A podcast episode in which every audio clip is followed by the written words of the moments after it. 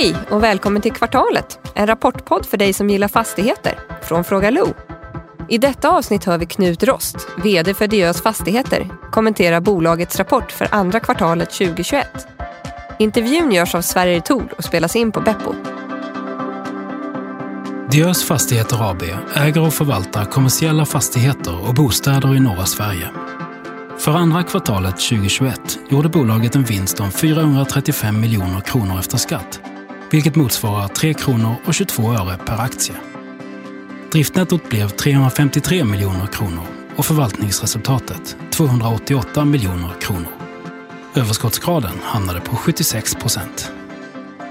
Diös sammanlagda fastighetsvärde uppgår till 26,1 miljarder kronor och det egna kapitalet till 9,7 miljarder, vilket ger en soliditet på 36 procent. Räntetäckningsgraden är sju gånger räntekostnaderna och belåningsgraden är 53,8 procent. Långsiktigt substansvärde är 84,9 kronor per aktie och bolagets VD är Knut Rost.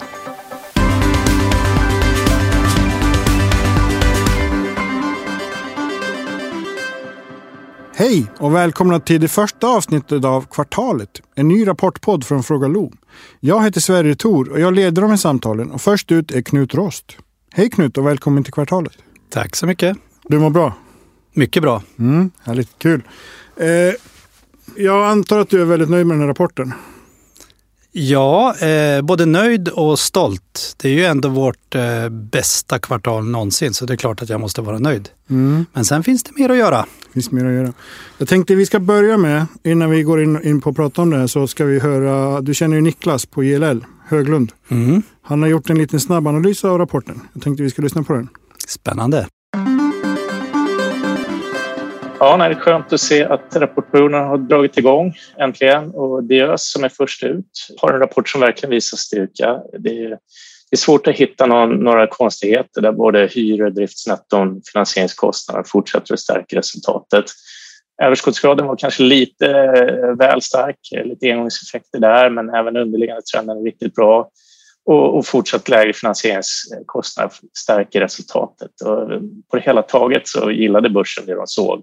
Aktien var väl upp eh, lite drygt en och en halv procent i en, en relativt stillastående marknad. Eh, när jag tittar på övriga resultatbidrag så är ju substanstillväxten upp med nästan 20 procent om man återlägger utdelningen. Och det här är ju en, en bra eh, nivå som eh, motiverar dagens premie. Och de starka kassaflödena underbygger den här värderingen. Och tittar man på, på direktavkastningen så är den högre i Norrland och trots, kan man säga, marknaden inte riktigt hängt med där, så har ju, finns det riktigt intressanta strukturella tillväxtfaktorer i regionen som skapar mer smak för framtiden. Sen gäller det ju verkligen att bolaget fortsätter att investera i ökad kvalitet eh, och både få ner vakanser och lyckas få upp hyrespotentialen. Här är vakanserna den svaga punkten nu, eh, men bolaget är väldigt kaxiga framöver här att vakanserna ska ner. Det gäller att de levererar på det. Och vad, vad vill marknaden se då? Jo, vi bedömer att marknaden vill se att Diös kan utnyttja den här starka kapitalmarknaden, sin position, eh, både räntemarknad och, eh, och på börsen för att konsolidera, det vill säga förvärva eh, ytterligare. Och eh, som lite försiktig analytiker skulle jag tycka att det vore verkligen vore en win-win att passa på att, att förlänga sin kapitalbindning och låsa in en riktigt bra avkastning. Även om det kanske blir lite lägre kassaflöden idag så ger det verkligen förutsättningar för högre multiplar och lägre volatilitet. Och, och eh, bolaget kommer kunna liksom framstå som en ännu tydligare compounder eller tillväxtmotor drivet av sina kassaflöden. Eh, så att det, det, är väl det som jag tror att marknaden vill se i Diös. Och de gillade ju vad de såg i Q2 så att eh, det finns nog anledning att lyssna in på vad Sverige får fram. Det var inte så illa. Från en kräsen analytiker. Nej, analytikerna kan vara svårskärmade ibland. Eller Men ni gör ju ett rekordkvartal som du varit inne på.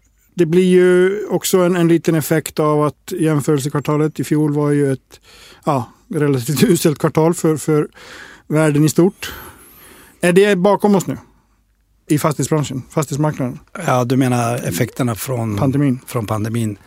Eh, ja, inte helt kanske, men vi ser ju efterfrågan på, på det här statliga stödet som, som vi är med och bidrar till, eh, det minskar ju drastiskt, vilket är väldigt positivt. Och det är ju en, det är ett eh, starkt tecken på, på en kraftfull återhämtning. Så är det. Mm, mm. Och om, vi- om vi tittar på just vakanserna som Niklas är inne på, då har de ju minskat. Eh, de var ju på 16 procent. Uthyrningsgraden var 84 och är nu 88. Så det, det går ju åt rätt riktning. Vad, hur, hur, hur ser ni, hur, hur tänker ni kring just att, att minska dem ytterligare? Ja, alltså egentligen kan du säga så här, det här kvartalet så ökar vi på våra vakanser något. Nu Mm. är det, nu är det liksom på marginalen, men ändå. Vi har haft en del eh, relativt eh, stora uppsägningar där vi nu fyller på, som inte är offentliggjort än. Eh, men nej, det, det är absolut ingen fara alls. Jag brukar säga på lite skämt och allvar att varje kvartal då har vi en ny chans. Så att, eh, att det här rättar till sig de nästkommande två kvartalen, det är vi säkra på därför att vi har så mycket bra på gång. Och trycket på våran heta marknad är ju väldigt, väldigt, väldigt positiv. Så att eh, det är jag inte ett dugg orolig för. Utan jag ser snarare, jag ser snarare de här vakanserna eh, som möjligheter i en nära framtid. Okej, du nämner ju i- i vd-ordet, du är inne på det här i vd-ordet en del och då nämner du bland annat att just det här att överskottsgraden är ju 68 procent vilket är rekord. Hur, hur rent konkret ska ni jobba för att liksom hålla den nivån? Kan ni hålla den nivån när man börjar ta höjd för, för vinterkostnader och så vidare? Ja, i 68 så ligger ju vinterkostnaderna med för det, är- Okej. där, det är för hela perioden. För, Halvåret? för kvartalet, Q2, så är det 76. Mm. Eh, och det är ju kanske lite boostat av både det ena och det andra. Men, men tittar man på, på kvartal 1 och kvartal 2 tillsammans, 68, så det är, är ju det en normal till hög siffra för vår överskottsgrad. Jag menar, har du mycket bostäder då har du, en lägre, då har du en lägre överskottsgrad med tanke på att mycket kostnader ligger hos, hos eh, hyresvärden. Mm. Um, jobbar du med triple net-avtal då är ju överskottsgraden högre men ofta hyran lägre. Så att, eh, men 66, 67, 68 någonstans är normalt för oss. Okej. Och, och hur, hur konkret liksom jobbar ni för att hålla den nivån? Stenhårt. Det är ett, eh, det är ett hantverk. Eh, Det vill säga allt ifrån att vi omförhandlar låga hyror och vi har ju väldigt många avtal. Mm. Allt ifrån att vi faktiskt när vi bygger nytt, eller åtminstone renoverar ordentligt, att vi får eh, nära topphyror. Till att vi jobbar effektivt med våra kostnader. Och i den digitala resa vi gör nu allihopa, mer eller mindre fort, så tror jag att man kommer att se mer sådana här besparingar där vi, där vi sänker våra kostnader eh, utefter det som är digitalt och hållbart. Mm, mm. Okej. Har du någon, om vi eh, tar, tar liksom veckans nyheter här om, om, om cyberterror, om man, Mm, om man kallar det. Ser du någon liksom, får du någon sån här naggande känsla i bakhuvudet att det här med digitalisering kanske man inte ska hålla på med i sån, sån omfattning? Nej men alltså, jo det tror jag man ska. Men man ska också vara medveten om riskerna för vi blir vansinnigt sårbara om man bara jobbar digitalt. Mm. Det, det, det har vi lärt oss och, och det är nästan lite otäckt. för jag tror inte någon av oss kan liksom säga mm, hur illa är det egentligen. Men det som, det som drabbade Coop och några till nu var ju ganska otäckt. Där man inte har kontroll på vad egentligen som händer. Mm. Och, och kanske, kanske ska man ha en backup för att kunna köra manuellt. Mm. Mm. Men ehm, vi är inte så oroliga för det nu. Jag tror inte vi ligger i skottlinjen för det. Vi, vi är inte så, så liksom spännande bransch att någon skulle gå in och hacka våra fastighetssystem. Det tror jag inte. Men däremot så finns det ju så mycket annat kring det digitala och hållbara som gör att vi faktiskt får en bättre värld. Ja, men vem, vem vill egentligen göra alla tråkiga jobb som, som, som en robot kan göra? Mm. Då kan ju den personen eller de personerna göra något annat mera, mera värdeskapande istället. Relationer, de är ju inte digitala. Alltså att outsourca till en robot digitalt eller ens till en konsult. Att outsourca den kundkontakten, det är direkt fel. Det kommer Diös aldrig att göra. Det är två saker som är jätteviktiga för oss vad gäller värdeskapande. Det ena är relationen med hyresgästen och det andra är hyreskontraktet. Det kommer vi aldrig att outsourca utan det är en produkt som ska komma från oss. För det är, det är närmast vårt DNA och hjärta. Mm. Ja. Ni verkar ju på en marknad som, eh, ja, för tio år sedan då var det inte många som trodde på den. För fem år sedan då var det typ du som trodde på den. Nu tror alla på den. Känner du dig som en profet eller, eller eh, om man säger så här, eh, vad liksom, Hur, hur ser, om du, om du bara ger oss en liten framtidsbild av, av läget på, på Norrlandsmarknaden idag? I norra Sverige. Det, är- alltså, det är Mm. otroliga saker som händer där uppe. Profet kanske man skulle vilja vara i nästa liv. Ja. Ehm, nej, absolut inte någon profet. Snarare så tycker jag kom ju för sju och ett halvt år sedan Mm. eh, och såg ett väldigt eh, splittrat Diös. Eh, väldigt eh, diversifierat. Man fanns på flera geografier. Man hade ingen klar tanke om eh, Eh, vilken typ av fastigheter vi skulle vara duktiga på och så vidare. Eh, om jag nu har gjort någonting bra så är det att jag har varit väldigt tydlig med att vi ska operera på sådana marknader som är i tillväxt. Och med tillväxt så menar vi egentligen befolkningstillväxt. Nu kan ju det gå lite upp och ner, men, men tittar man på hela våran så att säga, norra region så når vi drygt en miljon människor i arbetsmarknadsregionen i våra tio städer. Vi valde de här tio städerna för att det fanns universitet, högskola, det var befolkningstillväxt. Det fanns en aktiv kommun. Det, det, det fanns en entreprenöriell anda i alla de här tio städerna som har förstärkts. Så det man ser eh, med det som händer nu med, med den gröna revolutionen som jag kallar det i, i våra basnäringar i, i norr främst då. Det är ju helt enkelt någonting som någon borde ha sett för några år sedan skulle komma. Det vill säga att vi eh, Sveriges gröna stål på något vis, att det skulle bli en liten revansch. Jag menar, vem minns inte Stålverk 80, vi som är lite äldre i alla fall, som, som eh, inte var det bästa projektet som, som vi har jobbat med i, mm, i Sverige. Nu kommer det privata initiativ och det här, jag, jag vill ju tro att det gröna hållbara och de smarta innovativa lösningarna det kommer från företagandet. Det, det är jag ganska övertygad om och det ser vi exempel på nu. Ehm, naturligtvis påhejade och hjälpta av, också av staten så att vi tillsammans kan se till att vi bygger ett ännu mer hållbart och grönt samhälle. Eh, så att som svar på din fråga skulle jag säga nej, vi såg väl inte det här komma, det, det kan jag inte säga. Men däremot så såg vi det komma att det var de här tio orterna i Mm. våran region som skulle bli de starka och så är det ju. Mm. Ni satsade ju rätt tidigt i, i Skellefteå. Jag, jag kommer Mm. aldrig glömma ett samtal vi hade för några år sedan när ni köpte för 570 miljoner. 572 miljoner. Ja. Mm. Och, och jag frågade om du var helt tokig och du sa läs på. Mm. Mm. Och du fick ju rätt där som vanligt. Nu finns det andra orter där det händer mycket där det inte finns. Boden, Gällivare. Är det Mm. någonting som, eh, som ju på, på sikt verkar ju få, få lite befolkningstillväxt också? Kan det bli aktuellt att, att utöka era 10 till 12 eller fler? Ja, det kan bli 15, men det som är viktigt, eh, det kan bli 20. Det som är viktigt är att vi behåller den här förutsägbarheten i bolaget. Det gillar ju aktiemarknaden. Under min tid så har vi gått från 2 500 eh, aktieägare till nästan 20 000 aktieägare och det är ju ett jätteförtroende eh, som jag känner nästan varje gång jag tänker på det så blir jag lite sådär, oh, vilket ansvar. Men samtidigt ruskigt roligt för det är det som är peppande. Det vill säga att man tror på det vi gör. Och förutsägbarheten i ett bolag som vårat, eh, eller vilket fastighetsbolag som helst, det spelar ingen roll om man är värd 10 miljarder eller 26,3 miljarder eller 70-80 miljarder, så är förutsägbarheten viktig. Man vill veta, är vi ett högavkastande bolag, det här gänget, kan de sin marknad egentligen? Eller köper de bara för att växa i volym? Ehm, och det hoppas jag att vi har bevisat att vi, vi är Mm. tydliga. Mm, mm.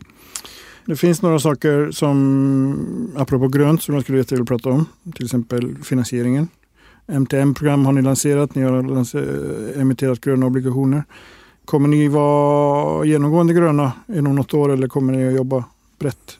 Mm. Rolf Larsson, din, din eminenta CFO, är Mm. väldigt aktiv Mm. och duktig på det här. Men, Mm. men åt vilket håll kommer ni gå? Det finns ju andra fastighetsbolag som är bättre på det här än vad vi är. Eh, Men eh, svaret på din fråga är ja. Eh, Vi pratade om det så sent som förra veckan tror jag. Att, eh, tänk vad läckert det skulle vara att vara rakt igenom grön. Mm. Eh, Och det finns ju några stycken som har eh, lyckats med det och är på väg mot det. Så jag tror vi får lära av dem.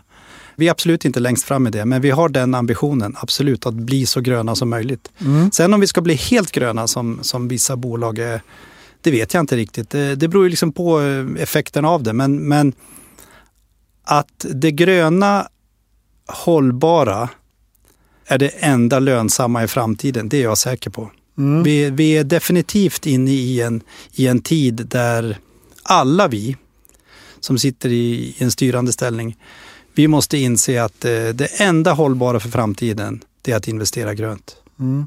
Du var inne på det här med, med företagandet, det, det som leder till den gröna omställningen. Och, just pengar är ju både piska och morot såklart Mm. för, för företagen. Niklas var inne på, på två saker i sin analys. Uh, investera i ökad kvalitet. Mm. Hur, hur tänker ni där? Hur tolkar du det? Jag tolkar det som, han sa konsolidera också. Konsolidera betyder väl egentligen att man liksom paketerar ihop och, och jag kommer ihåg just det, konsolidera och även kvalitet. Mm. Vi kan bygga ett kvalitetsmässigt bolag som är väldigt tydligt, alltså tydligt i sin kvalitet. Eh, Det betyder ju inte att alla hus är gröna idag, utan men ambitionen att bli grön, att, bli, att släppa ut eh, mindre koldioxid, att mäta allting man gör, vilk- vilka avtryck gör vi och nå FNs klimatmål som vi har satt upp i Sverige, det är grundläggande i, i vårt DNA. Eh, Så att ehm, kvalitet tror jag eh, Niklas menar att man är, man är konsistent i liksom det man gör. Man hittar inte på massa annat och det är det jag menar med att man är förutsägbar. Det är det ena. Men det andra som jag tror att han menar, som analytiker brukar mena, det är tillväxt. Mm. Och tillväxt måste ske på de villkor som vi är satta inför på något vis. Det är skillnad att göra affärer i Stockholm och göra affärer hos oss. Konkurrensen i Stockholm är ju naturligtvis mördande. Eh, Mycket större konkurrens i Stockholm än vad vi har. Därmed också lägre gilder och högre priser. Men vi märker också av det nu. Mm. Det är stor skillnad på gilder på bostäder till exempel. Nu ligger vi också under, under 4 procent och neråt 3,5. Så jag tror att Niklas menar med kvalitet, gör det ni är duktiga på, var konsistenta i det, det ni gör och se till att det blir en, en bra tillväxt. Och så lägger jag till också att vi ska vara ett högavkastande bolag. Mm. När vi pratar tillväxt, som du är inne på, det är ju det aktiemarknaden vill se. Alltid. Men eh, 2011, 2016, vart femte år har vi pratat om för. Nu är det 2021. När kommer stora affären? Nästa stora affär. Ni köpte ju Norrvidden 2011. Mm, stämmer. Eh, Ni köpte stora Norrporten-beståndet från Castellum 2016. Mm. 2017, februari. Ja, Ehm, Fast det var väl i, i, slutet på året som ni gick ut med den va? Ja, det tror jag. Ja, ja, det var det Mm. nog. Eh, Jag tänkte när vi tillträdde. Men det stämmer helt rätt Sverrir. Jag kan tro så här, att köpa bestånd i olika tider, är det liksom en håstid, då blir det en portföljpremie. Då får man betala för att det, det är stor volym. Eh, Om vi tar Niklas på orden så är inte jag säker på att vi är ett volymföretag. Vi kanske är ett kvalitetsbolag. Det vill säga, jag är ganska övertygad om att vi kommer att köpa för miljardbelopp. Vi kommer att köpa för 100 miljoners belopp. Vi kommer att köpa för 50 miljoners belopp. De bästa affärerna vi har gjort, det är både eh, stora portföljaffärer. Men de som vi köper med högst avkastning, det är enstaka fastigheter. Det kanske är två fastigheter för runt 100-200 miljoner. Så att jag kan inte svara så rakt på din fråga. Jag hoppas naturligtvis på en stor affär till rätt pris, för att prata kvalitet. Eh, Men jag tror också att det blir, vi är väldigt, väldigt aktiva på transaktionsmarknaden. Mm. Och Annie Fransson, vår transaktionschef, är, är, är het på en het marknad. Så att det kommer att hända saker. Men å andra sidan får vi se upp lite grann, för nu börjar gilderna sjunka rejält. Mm. Jag brukar ju prata om champagnekorkseffekten lite, det vill säga att nu kommer allt. Nu ska alla göra allt. Det finns mycket kapital. Mm. Det finns mång, många fina bestånd där ute, men det är ju inte så jäkla mycket till salu alltså. Ser du det som ett, eh, både sett i tillväxt och någon form av liksom operationell säkerhet i bolaget? Att, ser du det som en risk att, att det liksom alla ska ha champagnekorkseffekten? Att det är liksom pengar flödar in från alla håll och kanter. Folk som kanske inte är bäst lämpade till att äga fastigheter eller, eller, förvalta fastigheter håller på och köper fastigheter och, och förvaltar dem. Att liksom du, du, du känner mig, jag vill ju gärna försöka hitta, hitta riskerna i saker. Alla träd växer inte till himmelen. Men vi är väldigt nära på något Ja, sätt. du brukar ju prata om svarta svanar. Ja, och, och, precis. och den hade vi ju en, men, men Mm. den gjorde inte så mycket. Det var en olyckskorp. Vi såg ju inte den riktigt komma heller, den som kom. Nej. Och pandemieffekten som du startade med, den, den har ju lärt oss en läxa. Alltså det är ju inte många trender som har startat med den här pandemin. Däremot har de påskyndats. De har kastat oss kanske tio år fram i tiden. Mm. Vilket har gjort att vi får vara ett ännu bättre bolag. Nej, jag är inte så orolig för att det kommer in, vad ska man säga, sämre förvaltare. Eh, Därför att det som, ja, det som nu kanske jag ser det väl optimistiskt för att det inser ju hyresgästerna fort och så kommer de till oss istället. Mm. Men någon Um, som urholkar förtroendet för branschen? Ja, eller kanske driver upp priserna utan anledning. Mm. Det är kanske, kanske farligare. Det vill säga att man, man får in kapitalstarka köpare som enbart ser eh, köpet som en volymtillväxt. Det kan Mm. vara lite farligt för det driver upp priserna. Och det driver också upp värdena på våra fastigheter. Alltså de bestånd eller fastigheter som inte vi köper, som någon annan köper för dyrt, säger vi som exempel. Det bidrar ju till våra värdehöjningar, vilket är bra för oss. Men det är ju inte bra att det sticker iväg för mycket. Då tappar vi den här äh, kvaliteten i beståndet. Vi tappar förutsägbarheten. Men ibland brukar jag säga faktiskt, jag har sagt det i media förr, tänk om. Även våra bestånd går neråt 4 procent över hela beståndet. Mm. Det kan hända. Jag menar, det, då får vi mycket mera värde naturligtvis. Men det blir ju också högre, högre fallhöjd en gång i tiden. Mm. Mm. Alltså Precis. volatiliteten i Stockholm exempelvis är ju mycket högre än i övriga landet. Så är det ju. Mm. Det är positivt, det är negativt och det är positivt och negativt för oss också. Men det är något man får leva med. Mm.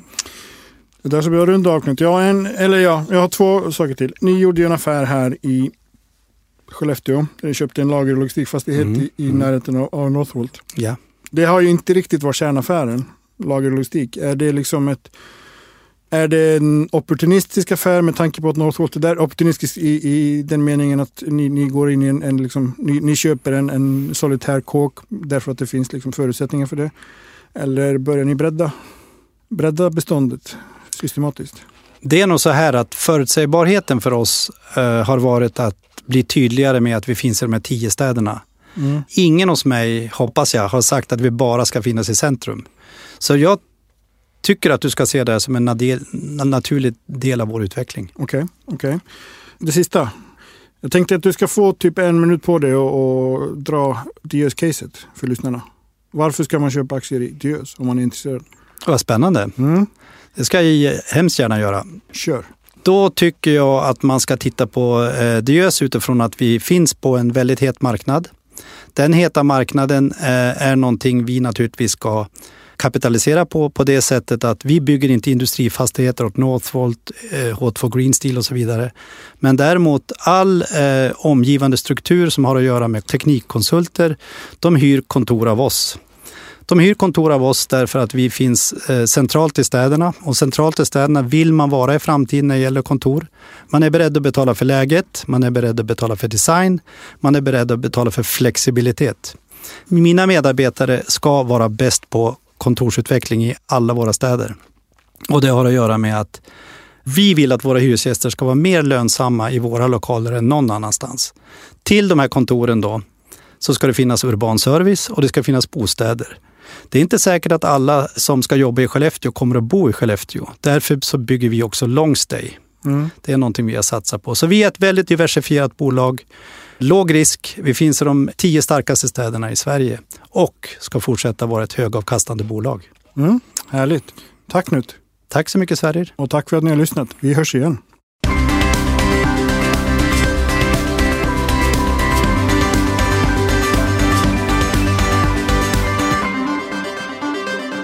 Det här programmet görs på Beppo. Beppo.